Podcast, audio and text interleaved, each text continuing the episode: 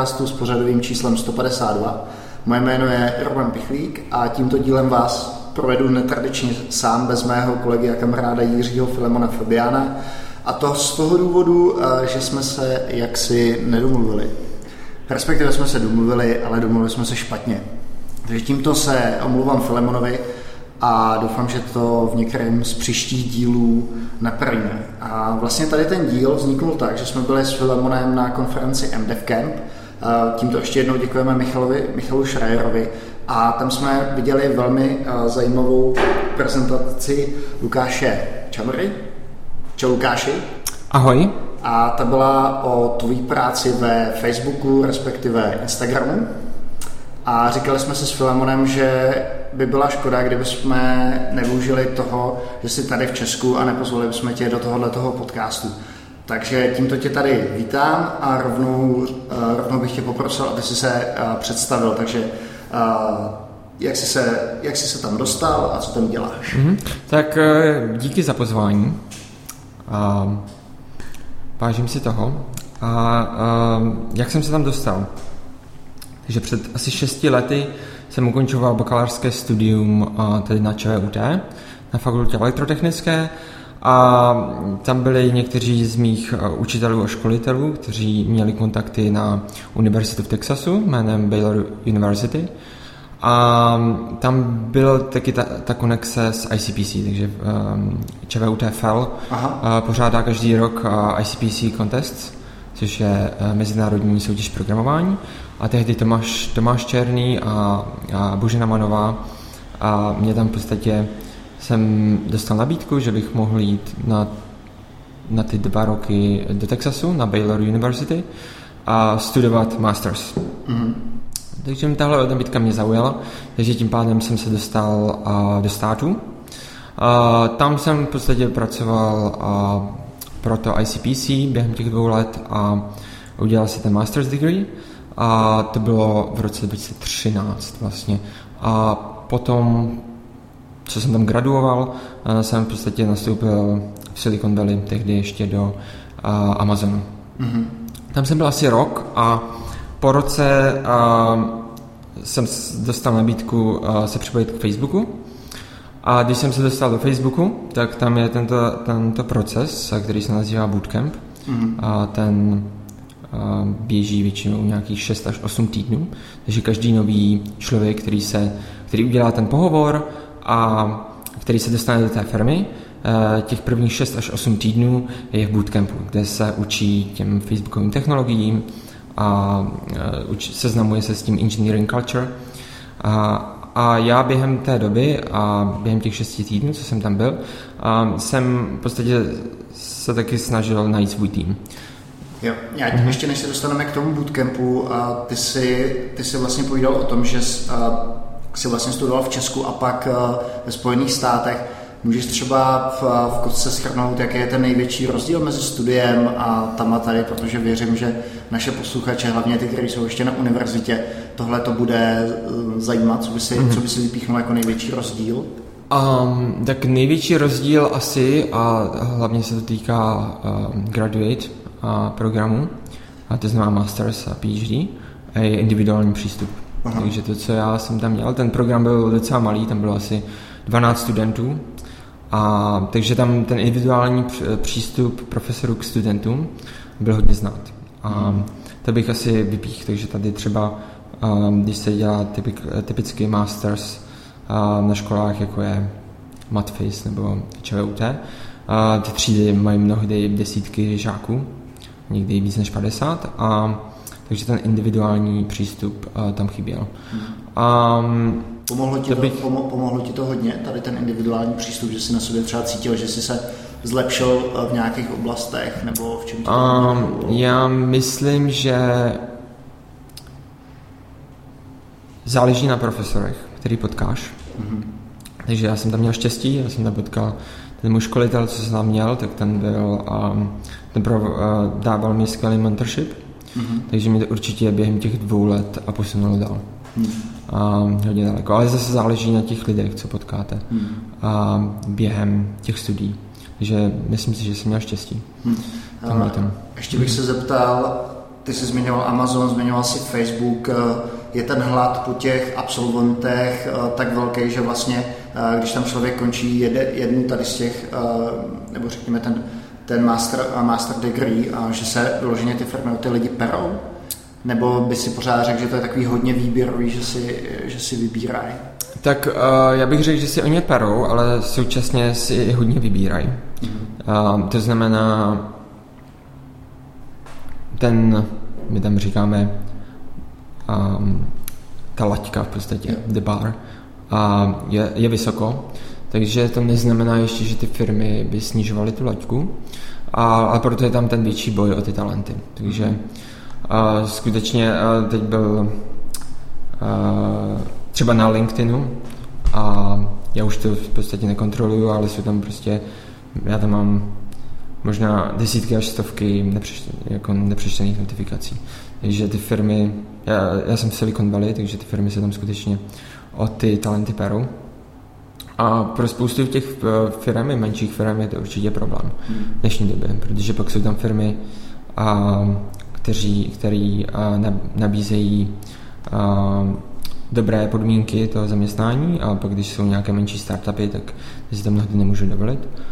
Um, takže určitě je to tam boj o talent, to tam určitě také. Ještě bych se zeptal, jak jsou tam vlastně tady ty firmy, a teďka nemusí to být jenom Google a Facebook nebo Amazon zaháčkovat vůbec na těch univerzitách, je to tak, že tam má nějaké svoje programy, případně dohazují, eh, dohazují řekněme, mentory k diplomové práce, nebo jak jsou tam zaháčkované? A je to asi na několika stupních. Třeba um, tam, kde, kam jsem chodil já, uh, na tu Baylorovu univerzitu, tak tam v podstatě žádný hiring ze Silicon Valley přímo neprobíhal. Ale uh, hlavně se to týká top schools, to znamená uh, Stanford, Berkeley, Carnegie Mellon a podobně, a tak tam určitě to nějakým způsobem zaháčkovaný je. A jedna věc je, že tam je agresivní hiring na internship, takže se snažíme dostat eh, hodně lidí z těchto top schools a na internship, což je v podstatě program pro studenty, kdy během prázdnin letních a po dobu 12 týdnů tam mají šanci ve Facebooku pracovat na projektech. S námi, se softwarovými inženýry a a na konci toho internshipu pak oni dostanou buď offer, jako full-time offer, a, nebo nabídku, pracovní nabídku na plný úvazek, anebo nedostanou nic. Takže to je v podstatě ta firma ty stáže, ty internshipy bere jako jednu z nejlepších, z nejlepších možností, jak získat tyto absolventy, protože ten, ten interview proces netrvá jenom třeba 4-5 hodin, jak typicky to tak trvá, ale trvá celý 12 týdnů. Takže my tam můžeme skutečně si zjistit ten potenciál těch uchazečů. Mm-hmm. A pokud jsou dobří, tak... tak Myslíš si, že to je třeba jednodušší způsob, jak se do té firmy dostat uh, pro ty lidi, než absolvovat klasický interview? Protože si dokážu představit, že během toho internshipu, a jak jsi říkal, není to 4-5 hodin, ale už si o tom člověku dokážeš udělat mm-hmm. uh, větší obrázek, jak pracuje. Tak určitě pokud ten člověk je schopný, tak je to určitě jistější varianta, protože ta interview tam je to mnohdy i trošku o štěstí. A trvá to pět hodin a ti uchazeči jsou mnohdy nervózní, takže někdy i třeba schopný uchazeč to nemusí zvládnout, ale pokud má někdo 12, 12 eh, týdnů ukázat svůj potenciál a ten potenciál skutečně má, tak eh, takový talent se většinou potom nemine. Má ten internship program třeba konkrétně u vás eh, ve Facebooku nějaký omezení? Třeba tam se z toho důvodu, protože nás poslouchají určitě studenti a posluchači českých univerzit, můžou třeba oni se do toho internshipu zapojit, nebo je to čistě jenom omezen na americké univerzity? To je, to je zajímavá otázka. A není to omezen na americké univerzity, je tam, je tam student, studenti z různých uh, evropských škol. Mm-hmm. A tam by ani nebyl um, pokud já vím, žádný problém s vízy, takže a, ti uchazeči takhle a, o stáže většinou, když jsou mimo US, tak a, získají J1 víza, mm-hmm. tak, který nejsou žádné limity. Takže já myslím, že a, určitě by se mohli a, pokusit se tam přihlásit. Touhle cestou. A stačí vygooglit Facebook Careers Internship a určitě tam možnost eh, si podat tu přihlášku a zkusit to. Hmm. A tě, během tě, toho léta je tam spoustu studentů i z, i z Evropy, ale ještě je pravda, že se mi nepodařilo potkat žádného Čecha. Tam. Žádného Čecha, odkud, tak, Na stážích. Tak a, a můžeš říct, odkud tak ty studenti jsou často z Evropy? Jestli jsou to skandinávci, nebo je to různý pelmel? Vidím eh, tam často lidi z Německa. Um, no. A Tej. to je asi tak... Z té Evropy už si nevybavuju, že bych tam viděl jiný stážisty. Aha. A, což je zajímavý, ale je, tam je dost eh, i inženýrů z Německa, takže asi je tam e, nějaká pipeline takhle nastavená. A, ale jinak e, si nespomínám. Ale těch studentů je tam spoustu. Takže to, to neznamená, že nejsou. Jo. Ty už si naznačil ten přijímací pohovor a že to je 4 nebo 5 hodin. To mě skoro ještě překvapilo, že to je, že to je tak krátký. To asi se bojíme o 4 až 5 hodinách toho závěrečného kola, nebo vůbec řekni, jak to, jak to probíhá, jak tak to, třeba přijímali tebe. Typický interview probíhá, že tam jsou jeden až dva phone screeny, takže ten phone screen trvá hodinu a ten uchazeč v podstatě ten uchazeč se spojí s nějakým inženýrem na Facebooku. Teď se bavíme o pozice na software engineering. Yeah, yeah. A ten, ten člověk ve Facebooku, což je zase software engineer, potom dá typickou, nebo ne typickou, ale nějakou algoritmickou otázku. Yeah že ten proces je v podstatě podobný od jiných tech firm v Silicon Valley. Um, moc se neliší, ale tak ten proces je takový, že je phone screen. Uh, jedna až dva, každý, každý trvá hodinu a přes telefon a přes nějaký například Google Docs, kde se dá šerovat nějaký dokument, a ten uchazeč nakoduje nějaký algoritmus nebo vyřeší nějaký problém. Takže tam hledáme několik věcí, jako je, jestli mají dobrý pr- problem solving, a jestli umí dobře kódovat, jestli vytváří ten kód, který je dobře strukturovaný a jestli dokážou vůbec vyřešit ten problém. A také se jich ptáme na různé teoretické znalosti, jako je třeba uh, complexity, jestli... time and space. A snažíme se dostat, jestli mají ty, ty základy uh, v sobě. Jo. A takže to jsou ty, to jsou ty 4 až 5 hodin, nebo to máš tak, tak to, je, to, to je ten první, tak to je phone screen a pokud Aha. ten phone screen je pozitiv, pokud je kladný, a tak potom ten uchazeč je eh, přizván on-site, a takže většinou a většinou přilítne do, já pracuji v Headquarters, tak eh, přilítne do Menlo Parku a, a tam je potom další eh, sada interview a to může být takových pět až šest interview, každý trvá hodinu. A, a ty interview, tam jsou potom různé typy a většinou půlka z těch interview je kódování, takže kódování na whiteboard. A potom půlka z nich bude behavioral, to znamená otázky typu proč chce, proč chce člověk pracovat pro Facebook a, a jak řeší konflikty a podobně. A potom jeden, jedno interview je typicky na architecture, mm-hmm. to znamená design a jestli jsou schopni navrhnout nějaký, nějaký systém. A, a potom se to zase liší od toho, jestli je to čerstvý student, tak většinou čerstvých studentů, kteří zrovna graduovali, těch se neptáme na system design, ale pokud někdo už je um, inženýr třeba 10 let, tak tam to bude víc o systém designu, méně třeba o algoritmech mm-hmm. a taky více o, o tom behavioru. Mm-hmm. Eh, já bych se tě zeptal, jak jsi zmiňoval ty první dvě kola. Je to, tam, je to tak, že ho interview ty inženýři, s kterými on bude dělat, nebo je to úplně náhodné, že tam máte program, do kterého se ty inženýři přihlásí a můžou vlastně chodit tady na ty interview a je, trápit tam ty kandidáty? Je to, je to úplně náhodný, tak v podstatě ano, tam ty inženýři se můžou přihlásit, že chtějí dělat interview, což jako asi um, většina dělá interview. A potom jim prostě přijde těm inženýrům e-mail, že teda mají interview v tuhle hodinu a že teda se musí stavit do dané místnosti, buď zavolat na telefon, nebo už tam ten kandidát bude. Chodí, chodíš ty na tyhle ty interview? Chodím, chodím, chodím. Baví tě to? A docela jo, docela je to někdy zajímavé potkat um, ty lidi, někdy je to opravdu inspirující. a že tam člověk může potkat opravdu chytrý lidi. A, takže je to určitě zajímavý, um, zajímavý způsob hmm. takhle potkat ty talenty, co, co se přihlašují. Jsou hodně vystresovaní, když na to interview jdou, případně když s tebou volají a, a Ně, někdy, někdy, někdy eh, každý ten, ehm, každý člověk má ten stres faktor jinde a takže někdy jsou hodně vystresovaní, hlavně třeba, když na to nemůžou přijít v prvních jako pár minutách a, a někdy jsou úplně v klidu, takže to opravdu záleží. A mhm. samozřejmě studenti většinou, kteří zrovna gradují, a jsou více nervózní než lidi z praxe, ale to taky neznamená, že, že to je pravidlo.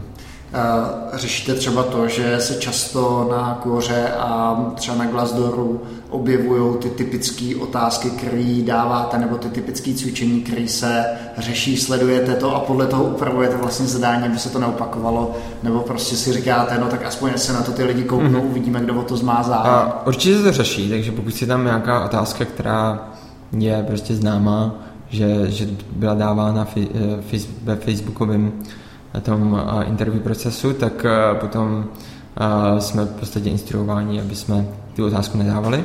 Takže tam je prostě tým, který, který řeší tady ten, tady ten proces. Takže pokud by se stalo, že nějaká otázka začne být profláknutá, tak, tak ta se vyřazuje. Yeah. A mm, v podstatě ta otázka, kterou bys mohl mít, je, jak vybíráme ty otázky a většinou ty inženýři si vyberou vlastní. To znamená, vytvoří si vlastní otázky. Mm-hmm. A, a takže tam není nějaký striktní, že musíme vybrat z nějakého listu, který by někdo jiný sestrojil.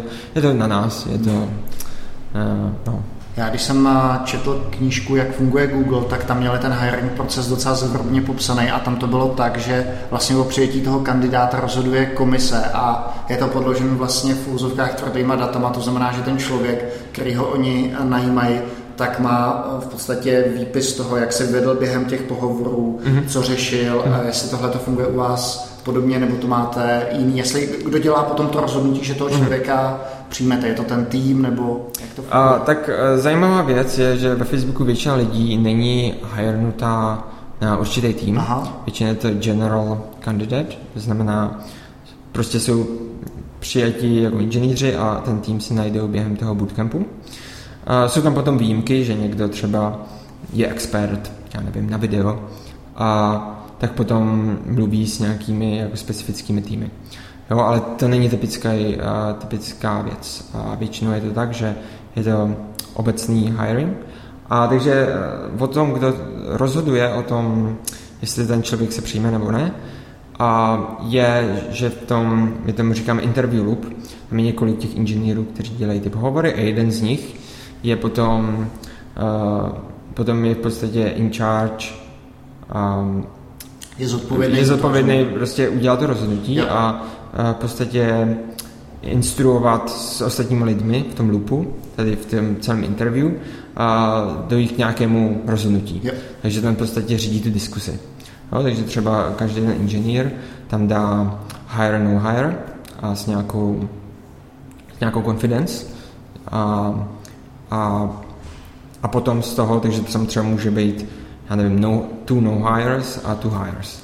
A co teď? Takže ten, ten člověk který, to má, který byl prostě vybraný, aby to řídil tu diskuzi a se musí domluvit s ostatníma, co se bude dít. A to jsou většinou už a, lidi, kteří jsou víc senior, mají víc zkušeností s těmi lidmi. A typicky jsou to i manažeři, kteří jako vědí, co od těch lidí, lidí bychom mohli čekat uh, s tím daným profilem. Mm-hmm. A v tom paketu, a v podstatě, který jde, Tomu se v podstatě říká committee taky, to je podobně jako Google a ten paket ano, obsahuje úplně všechny detaily, co se dělo v každém tom interview. Mm-hmm.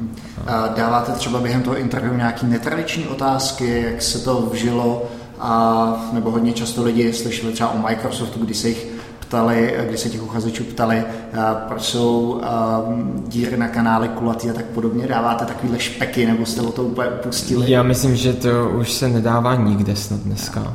A protože se zjistilo, že tam není žádná korelace mezi eh, schopností odpovědi na tyhle otázky a potom kvalitou té práce. Jo, jo. Takže já myslím, že obecně už to bylo takové uh, kliše, že Google se tohle ptá nebo Microsoft, ale to už, já myslím, že už to skončilo docela hodně dávno. Mm-hmm. Uh, to už se neděje. Takže my to, ne, my to neděláme. Jo, jo. A ještě teda můžeš třeba říct nějaký příklad otázky, kterou si dostal ty u toho pohovoru, nebo myslím toho cvičení třeba, co jsi řešil? Aby si... No, příklad, uh, já nechci dávat příklad, protože to je zase tajný, ale uh, existuje spoustu um, spoustu online resources, spoustu online zdrojů, kde můžete najít ty typické otázky, které se dávají v těch tech firmách.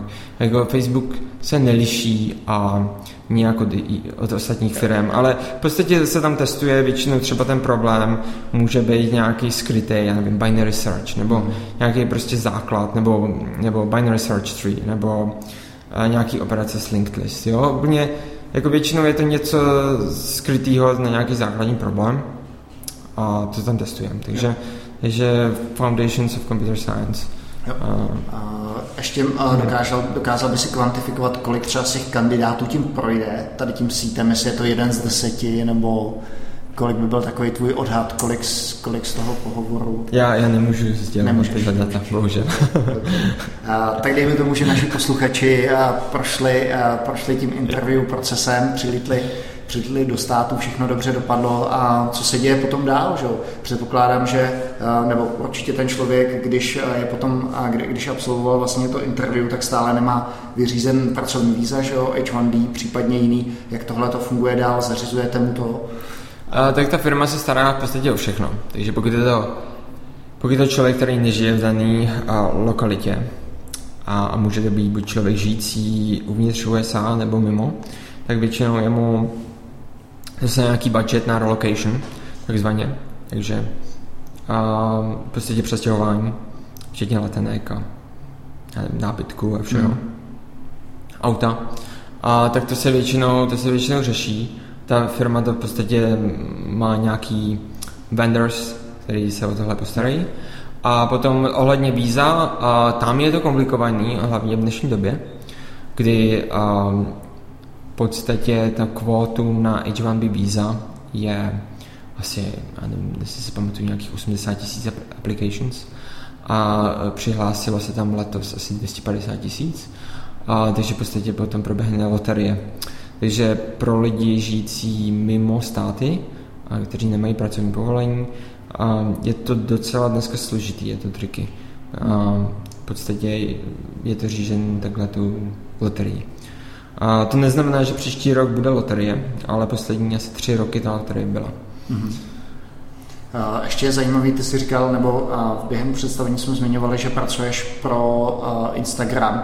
Když k vám, říkal si teda, ještě si zmiňoval to, že ty klienti, nebo ty klienti, ty lidi, kteří by chtěli pracovat ve Facebooku, si vlastně nevybírají ten, ten tým, jdou do toho bootcampu. Jak je to třeba i s tou prací pro Instagram, protože Instagram je trošku jiná firma, přestože hmm. a přestože patří dneska do, do Facebooku, tak... A...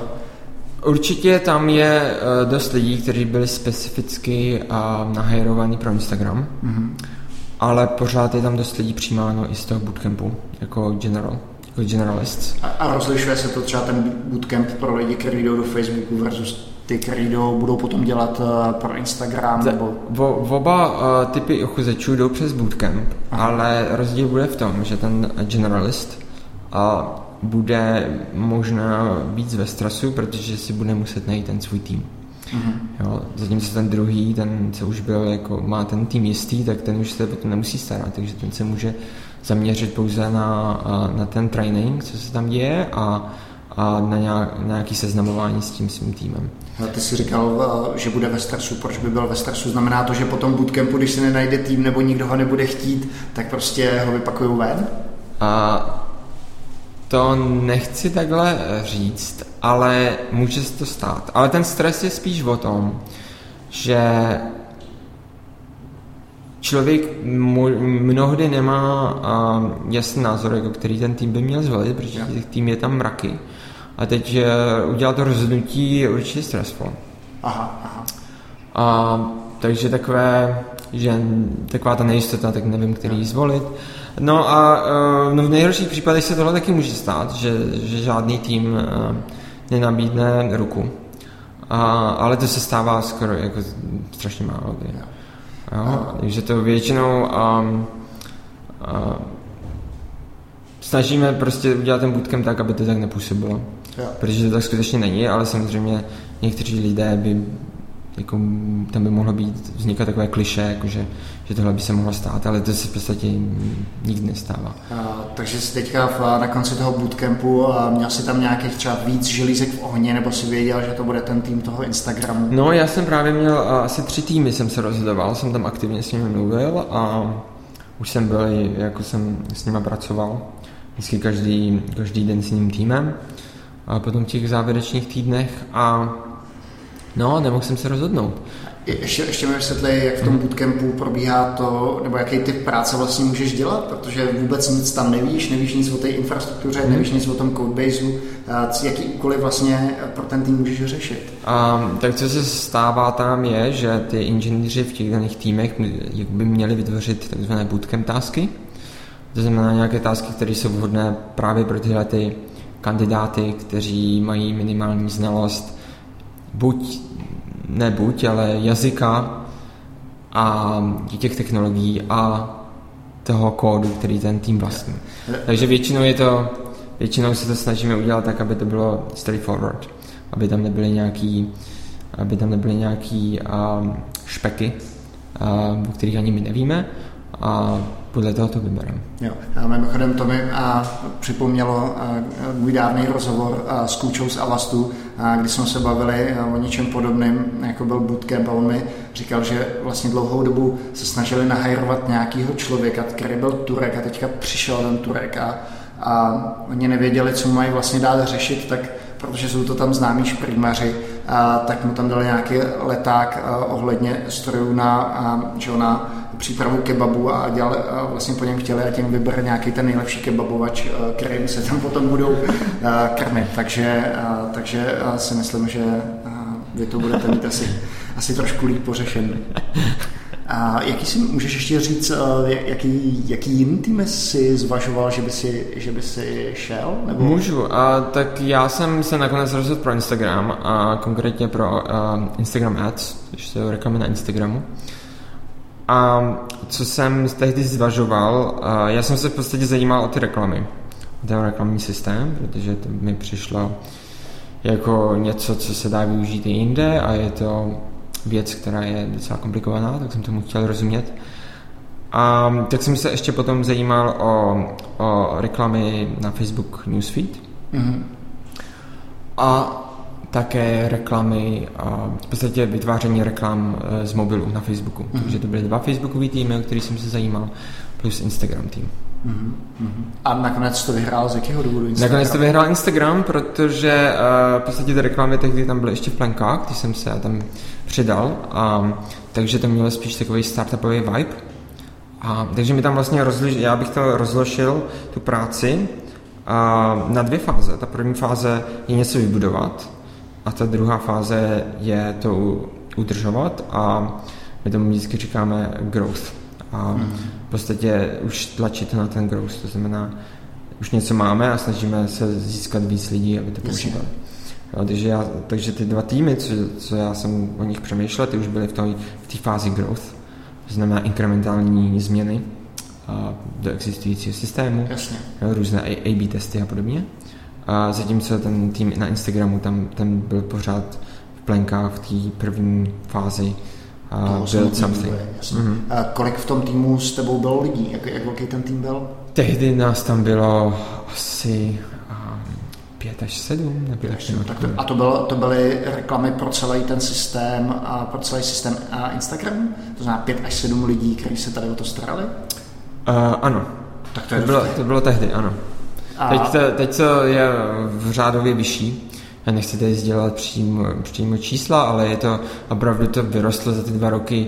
My jsme byli jeden tým, teď je nás několik mm-hmm. a tehdy jsem znal všechny na týmu, protože nás bylo sedm a teď tam znám polovinu z těch lidí, mm-hmm. protože už to tak vyrostlo, že už a to ani nestíhám potkávat ty nový lidi, co se tam pořád objevují. Ale zase na druhou stranu tady tou volbou toho, že tady ten reklamní systém byl v plenkách a ty jsi byl vlastně u jeho zrodu, tak musíš být velký expert, že si znáš všechny, všechny byty a bajty? No určitě uh, to je výhoda. Určitě tam znám hodně těch detailů a vím, jak to vzniklo a proč, a proč některé ty rozhodnutí byly udělány tak, jak byly. Takže to, to znamená, že když přijdete už do nějakého systému, který už byl vybudován, tak mnohdy jsou tam různé třeba hacky nebo prostě něco neintuitivně uděláno a takže já vím tu celou historii, což je, což je někdy příjemné. Mm-hmm. Uh, můžeš trochu popsat, podle jakých principů vůbec funguje vývoj v Instagramu, jestli, jestli je to stejné jako ve Facebooku, jestli je stejná takzvaná vývojářská kultura mm-hmm. a případně ji zkusil nějak popsat? Um, tak ve Facebooku, tam se to, tam ty, um, tam ty values, my tomu říkáme values, um, se točí hodně kolem move fast, be bold, be open, a, a potom to, to jsou v podstatě takové tři uh, základní uh, hodnoty pro ten vývoj. Takže move fast, be bold, be open. Mm-hmm. A to znamená, člověk by měl uh, se snažit dělat rychle, a to znamená třeba ship, shipping, shipovat ty produkty co nejdřív do produkce a získat, získávat nějaký data. A potom jsou tam uh, další uh, hodnoty kolem v podstatě těch sociálního aspektu Facebooku, že my říkáme byl social value, to znamená, co to na čem pracujeme, by jako mělo v podstatě promotovat ten social value. Zatímco na Instagramu tam, tam samozřejmě jsme tam adaptovali tyhle ty věci, ale a, asi ten nejznámější anebo nejdůležitější, co se tam často řídí, je do the simple thing first. Mm. Takže dělat uh, tu jednoduchou věc nejdřív. A to v podstatě znamená, když se vypracuje na nějakém projektu uh, nebo na nějakém produktu, aby se to vytvořilo s těma featurama, které lidi skutečně potřebují pro začátek. A to spustit a získat nějaký data a mhm. feedback od lidí a potom na tom iterovat. A, takže to se třeba stalo, já jsem zmiňoval a, Instagram video, když a, se spustilo, tak to byl celý jednoduchý produkt, který a, v podstatě byl povoloval uploadování videí jenom do 15 sekund a ten produkt podstatně žil takhle po dobu dvou až teď skoro tří let. Teď jsme až a v podstatě to prodloužili na minutu. Ale zkrátka jsme vybudovali infrastrukturu docela jednoduchou před těmi třemi lety která podporovala těch 15 sekund, to bylo použitelný, a to jsme šipnuli a, a v podstatě to byl velký úspěch. Jo, a tohle nám umožnilo, eh, ten development cycle byl pár, pár týdnů. A tohle to trvalo pár týdnů dělat. Mm. Uh, jak to funguje potom v Instagramu nebo Facebooku s maintenance a operations těch, eh, těch produktů? Je to tak, že ten tým, který to vyvíjí, ten to potom i operuje produkci, platí tohle? Určitě, určitě, takže ten tým potom musí si vybudovat svůj monitoring, své alarmy, každý ten tým má pak svůj on-call a když se tam něco rozbije, tak ten on-call, který v podstatě tam je on-call rotation, tak každý týden je tam nějaký ten inženýr z toho týmu, který má tu službu a musí, myslím, že nějakých 30 minut um, reagovat na nějaké tyhle alarmy. Tohle musím říct, že jsme měli v Goodit a bylo to vždycky velmi vtipné, když mi ten systém s oblibou volal ve dvě hodiny ráno, že jo, nebo v, v, v, noci, protože byl, byl hlavní čas v Americe a ty věci se samozřejmě vždycky eh, rozběly ve chvíli, kdy, kdy, na tom, kdy na tom byli americký uživatelé. Stalo se ti teda, že, že během toho on-call si, si řešil nějaký eskalace nebo si měl zatím vždycky jenom klidnou No, uh, to je, to bych rád, ale bohužel, pokud když, v podstatě to pravidlo je takový, že když je člověk on call, tak během toho týdne je určitě spuzený minimálně jednou v tom týdnu. Mm-hmm. A potom zase záleží tým od týmu, jsou tam týmy, kteří jsou uh, opravdu heavy a to znamená, že v podstatě skoro každý, každou noc jsou zbuzení nějakým alarmem. U nás je to, no já bych to typoval, těch alarmů dostaneme takových um, jako na průměr já myslím, že jeden denně a aby to vyšlo na noc, tak to se děje tak jednou za sedm dní. Hmm, hmm, hmm. A to je zajímavé, že e, právě když jsem sem dorazil a do, do Prahy, a asi před 14 dny, a tak právě jsem vystoupil z letadla, zapnul jsem si mobil a měl jsem asi pět alarmů. Aha. Zrovna to vyšlo takhle blbě. Ale naštěstí tam byl někdo jiný, který jako za mě zaskakoval během toho mýho letu, tak ten to, ten to řešil. Aha. Já vím, že tohle to teda bylo vždycky, tohle to bylo zdrojem a sprzení a mě teda určitě jednou to sprdilo teda i mojí přítelky někdy, já jsem tvrdě spal a ona prostě absolutně bez eh, nejmenšího uzradění. Vždycky ten telefon, když začal, eh, že když začal zvonit, tak to prostě típla, típla. Já jsem se pak ráno divil, co se, co se, co se v noci dělo na produkci a, a vlastně, že o, tom, že o tom nevím, no, tak to bylo, a to bylo docela vtipné. A ty jsi zmiňoval, že každý ten tým se vlastně buduje ty, ty knihovny a další věci pro, pro monitoring, ale předpokládám, že máte nějakou sdílenou infrastrukturu, kterou na tohleto a, používáte. A... Mm-hmm, určitě, takže my tam v podstatě, a, když Instagram se dostal do Facebooku, tak ten operoval na svoji vlastní infrastruktuře, a, která v podstatě byla budována na Amazon Web Services. A, a během těch tří let v podstatě se snažíme nebo to bylo 2002, asi už se to vlastně čtyři roky od té akvizice, tak se snažíme to integrovat, všechny naše servisy a migrovat je na Facebook Infrastructure. Takže třeba tady to monitorování, to Facebook má svůj framework, který my v podstatě používáme. Takže my tam máme třeba um, servisu na, na country, znamená nějaký um, counters, já nevím, jak se to říká v češtině. Země, lokace. V podstatě counters jakože um, jako jakoby body, za, za každou minutu se třeba ten counter bumpne několikrát. Jak se jo, jo, uh, počítadlo. Počítadlo, no. Jsem counter jako zemi, počítadlo, počítadlo. Jo, takže uh, tam v podstatě máme ty počítadla, které v podstatě nám říkají um, za minutu, řekněme, kolik tam bylo requestů, jo, jo. kolik jich vyfailovalo. Takže v podstatě takové health metrics, který nám vybudují ty grafy a pak na těch grafech a my vybudujeme ty alarmy. Takže řekl bych docela standardní postup. A, mm.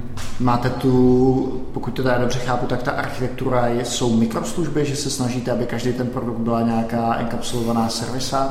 Vynik, já myslím, že tohle je vynikající otázka, a protože je to, je to úplně přesně naopak. Aha. Je to přesně naopak, takže Facebook v podstatě většina těch věcí. já, bych to, já bych tu architekturu rozložil do dvou, do dvou částí. Jedna je, pokud je to spojený s webem, tak to všechno žije v PHP Codebase. Mm. A to je prostě jeden, jedna binárka. Jeden monolit. Jed, jeden monolit. A, a potom tam máme různé servisy, které jsou vytvořené v C++. Mm. A ty běží e, samostatně. Takže například, a ty většinou, a, ta pointa jich je, že musí běžet co nejrychleji a co nejpřesněji. Mm a, takže třeba, já nevím, uh, ads ranking bude něco, takže ranking, nevím, jak se to řekne češtině, ale v podstatě ranking reklam, nebo ta uh, zaměřování reklam, to je většinou C++ service, ale všechno ostatní, a v podstatě ten, uh, ten renderovací kód, yeah. a, což se zjistí i třeba logovací kód, je potom, že je v PHP. Aha. Takže tam tam v podstatě žádná mikroservisa PHP neexistuje. To všechno běží v jednom, na jednom web serveru v podstatě. A a jakým způsobem to potom releaseujete? To vždycky mm-hmm. máte dan tak, že, že máte uh, release date a pak vlastně to testujete k tomu release date a vyvalíte to všechno jako jednu funkcionalitu? Uh, taky do, dobrá otázka. Já bych řekl, že uh, třeba některé firmy mají své testry, a, takže když jsem třeba dělal v Amazonu, tak ten tým byl tak eh, instruovaný tak, že já jsem udělal nějaký, jsem vyvinul nějakou feature a to jsem, to jsem commitnul do Gitu a potom to tester vzal a potestoval ten můj kód. A což se ve Facebooku vůbec neděje, takže ten testing je responsibilita každého vývojáře. Uh-huh. A no, v podstatě ten release cycle je, že se každý den uh, releaseuje třikrát, takže třikrát se releaseuje a to jsou takzvané dailies, takže uh, pokud člověk chce releasenout ten kód, tak uh, musí specificky uh, requestovat uh, ten commit, aby šel do produkce a jinak každé, každý týden se potom berou všechny komity z toho předešlého týdne a dostává se to do produkce. A to v podstatě to funguje tak, že řekněme, že ten release se děje v úterý, že my co uděláme, je, že v neděli uděláme cut a vezmeme všechny ty komity z minulý, za celý týden a to spustíme jenom to spustíme jenom zaměstnancům. Mm-hmm. Když zaměstnanci potom to jako neutrálně, jako přirozeně testují. Jasně, jasně, jasně. Tak takzvaný dog fooding a potom v úterý se to celý, celý tenhle ten monolit hodí do produkce. A co když je v tom monolitu a nějaká chyba, třeba je tam nějaký commit, který způsobuje mm-hmm. problém, tak uh, během toho, když to jde na testování těch interních lidí, uh, který vlastně používají tu službu, používají třeba Facebook nebo Instagram, mm-hmm. najde se tam chyba, tak se to dělá, takže se revertují ty specifické komity, nebo se revertne celý ten cut a udělá se ten výběr znova? To, to je, uh, to se nedělá cut znova, takže se většinou do toho, takže se udělá jakoby nová branch, tu neděli a potom, když je tam nějaká chyba, tak buď ty fixy, anebo ty reverty se dělají přímo na téhle nový branži. Mm-hmm. Jo, nestává se třeba někdy, že jsou tam komity, které na sobě nějak pak závisí, že není jedno, jednoduchý udělat ten, ten revert? S tím nemáte problém? No tak většinou, jako může se stát, že tam bude nějaký konflikt a to se pak musí vyřešit. No. Mm-hmm. A, ale je to manuální, no, to potom je manuální proces. Mm. Mě ještě zaujalo uh, během té tvojí přednášky uh, to, jak si popisoval vlastně organizaci těch týmů, že máte jednak infrastrukturní a jednak produktový týmy, protože to bylo něco, co bylo můj duši velmi blízký. To byl vlastně modus operandi v Good Data a myslím si, že všechno, co jsme udělali předtím i potom, a tak už nefungovalo tak, eh, tak dobře, tak jestli tohle to můžeš popsat, že třeba tady bylo zajímavé, že ne všichni chtěli být v těch produktových týmech, ty inženýři třeba u nás měli spíš takový tendence být v těch infrastrukturních týmech a, pak dochá, a, a zároveň docházelo teda k takovým třenicím, že produktový tým potřeboval něco pro infrastrukturním týmu a infrastrukturní tým měl jiný priority, tak Jasně. Jestli tohle a... to můžeš podhalit, jak to funguje u vás? No, takže my tam v podstatě máme dva typy týmů a v big picture, jako ve velkém obraze a to jsou infrastructure teams a product teams. A ty týmy se liší v, ve struktuře, takže ty product týmy mají product managera typicky, mm. že člověk, který rozhoduje o tom, jaké by měly být tam featurey a co by se mělo udělat, aby jsme, aby jsme mítnuli ty naše, naše cíle, Jasně. naše goals. A potom tam máme engineering managera, tak to se neliší od infrastructure team. A potom většinou máme i designera, takže ten, protože to většinou a product team, to znamená, že pracuje na určitém produktu, který je public facing, tak um, ten designer potom dělá i ten design mm-hmm. všech těch feature. No a potom jsou tam softwaroví inženýři, kteří uh, na těch uh, featurech pracují.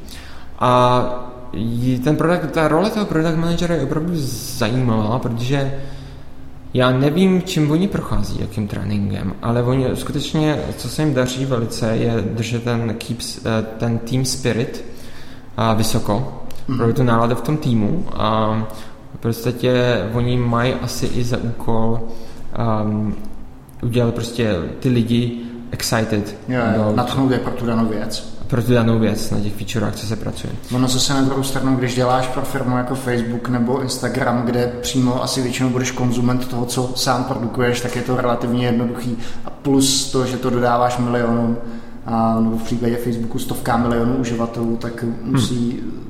myslím si, že ta role um, musí být velmi usnadněná díky tady tomu. Ano. jako to, to natchnout ty lidi pro to, co... To, to je pravda, to je pravda. A potom ty infrastructure teams, tam většinou product manager není a tam jsou v podstatě ty inženýři a ten engineering manager potom si vytváří svoje úkoly a právě získají i ten feedback z product týmu a snaží se implementovat, co, co lidi potřebují. Mm-hmm. Uh, liší se třeba nějakým způsobem uh, dodávání, tady, dodávání těch nových věcí mezi tady těma dvouma týmama. Předpokládám, že když něco doručuje infrastrukturní tým, tak to může potom používat víc produktových týmů, to znamená, mm-hmm. že musí být mnohem větší uh, pozornost k tomu, co se může kde, kde rozbít versus u toho, že u toho produktu je to často o tom, že zkoušíš věci, které budou fungovat. Jasně. Jestli se liší trošku kultura tady těch týmů. No, tak um, asi, asi ano. A já jenom přemýšlím o tom, jak eh, to funguje. Tak třeba, když je product team, tak ty používají třeba QE framework jako A-B testing. A tak zkouší různé testy, třeba aby získali víc uživatelů nebo prostě zvedli nějaké metriky, na kterých jim záleží. Zatímco infrastructure teams ty většinou a potom třeba, když udělají nějaký nový systém na něco, a nebo nějaký key value storage nebo něco, tak to většinou nasadí s jedním týmem a pak se to snaží škálovat dál. Jo? A je to a... ještě tak, že ty infrastructure, týmy vlastně ten svůj produkt nabízejí těm dalším týmům? Že? Určitě, určitě. A to je velká motivace. Samozřejmě ta idea je, že to nedělá jenom pro jeden tým, ale že by to mohl používat každý. A těch, eh, těch success examples je tam spoustu. Hmm. Jakým způsobem jsou tyhle ty týmy, infrastruktur, ty infrastrukturní týmy hodnocen? U těch, u těch produktových si to dokážu představit na nějakém uh, že, um, třeba na, na tom, kolik lidí bude tu danou, mm-hmm. ten mhm. daný produkt používat, mm-hmm. ale u těch infrastrukturních týmů je to daný či? To je, to je dobrá otázka. Já, já jsem nikdy na infrastrukturním týmu ne, nepracoval, Aha. ale tak dokážu si představit, že je to o, o stabilitě těch service, services, co oni dělají, o tom, kolik dalších týmů ten jejich produkt používá, nebo tu, tu mm. jejich servisu. A tak v tom bych to viděl. No. Mm. A, no. Ja. A takový teda ten problém, že by mezi těma týmama vznikaly třenice, že někdo nechce dodávat pro jiný tým, protože má jiný priority. To nemáte. To jsem, um, jako, to jsem jako neslyšel, že by to byl velký konflikt. Samozřejmě ty uh, cíle těch týmů se můžou lišit, takže když tam je nějaký produkt tým, který chce například řekněme, že chtějí feature, které třeba na, u databází máme read after write. A, nebo No, řekněme tuhle feature. A samozřejmě to je, to je prostě složitá věc, a, která může trvat měsíce, aby to ten infrastructure tým udělal. A, takže samozřejmě potom se tam musí vytvořit nějaký kompromis. Ale jako ještě jsem neslyšel, že by tam byly nějaké velké konflikty. Mm-hmm. Mě překvapilo, a myslím, že jsem to četl v článku od Jakuba Vrány, který pro Facebook pracoval, že Facebook je poměrně striktní v tom, a když se tomu, když se tedy daný feature nebo produktu a bez ohledu na to, co si představíme pod produktem, nedaří, to znamená, že tam je malá, malá přitažlost pro uživatele, takže to, že se to úplně řekněme, bez nějakých známek e, studu zabíjí a prostě a to se určitě děje, to jo. Takže hlavně to se týká e, u těch product týmů, samozřejmě různé lidi mají různé nápady a někdy to prostě nefunguje a někdy um, ty metriky nevyjdou tak, jak by ti lidi chtěli. Hmm. Někdy to třeba může zkomplikovat ten produkt a když ty metriky jsou pozitivní, tak, tak se to taky může hmm. zabít. Hmm. A to se určitě děje. A jakou by si řekl, eh, že používáte metodu k tomu, aby se ty lidi vedli k inovaci? Děláte třeba hackatony nebo máte nějaký mm. speciální speciální trik na to, abyste ty, abyste ty lidi nenechali, abyste je nenechali vlastně zaškutulkovat u toho svého produktu, ale podpořili mm. jste to, aby přicházeli se svýma. Tam máme a... několik programů, takže jeden z nich je ten hackathon Aha. a v podstatě každý, nevím, každý čtvrtletí, v podstatě tam je hackathon, který je company wide, je celá, celá firma a v podstatě ty inženýři si můžou vybrat, na čem, na čem chtějí pracovat, buď si třeba vytvoří vlastní projekt, nebo pomůžou někomu. Není to teda nutný, jako nemusí, nemusí to dělat, jako není to povinnost. A další možnost je takzvaný hack month, a to znamená hackovat na nějakém jiném týmu po dobu jednoho měsíce. Takže pokud si třeba chcete vyzkoušet práci na, v jiném týmu na měsíc, tak je taky možné přijít takhle na měsíc, je, udělat si tam nějaký projektík, během toho měsíce tím se získá, získáte víc znalostí o daný, jako o daný doméně, a o daném kódu a o nějakých technologiích, co oni používají. A pak eh, mnohdy, mnohdy lidi tam třeba zůstají, anebo, anebo se vrátí do toho týmu. Mm-hmm. Jakým způsobem třeba probíhá hodnocení těch eh, lidí? Máte třeba 360 peer review, nebo jak tohle to funguje ve Facebooku? Uh, tak tam, to, tam právě teď probíhá uh, zítra je deadline, takže to musím dokončit. Uh, v podstatě každý půl rok je tam, je tam peer uh, reviews, uh, nebo ten performance cycle a tam se dělají peer reviews, to znamená uh, reviews uh, s lidmi, kterými člověk pracoval.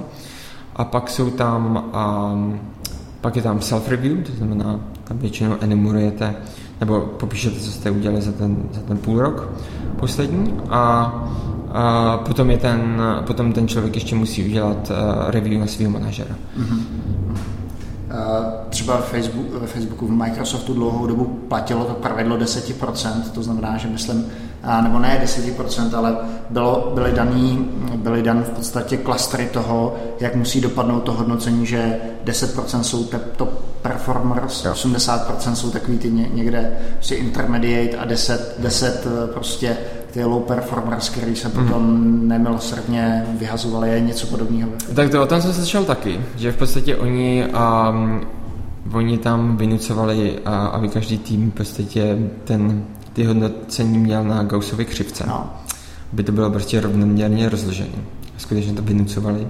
To jsem, to, to, to jsem slyšel. A takhle to ve Facebooku není. A to znamená, že tam žádný jako vynucení, aby to bylo jako rozložený rovnoměrně není.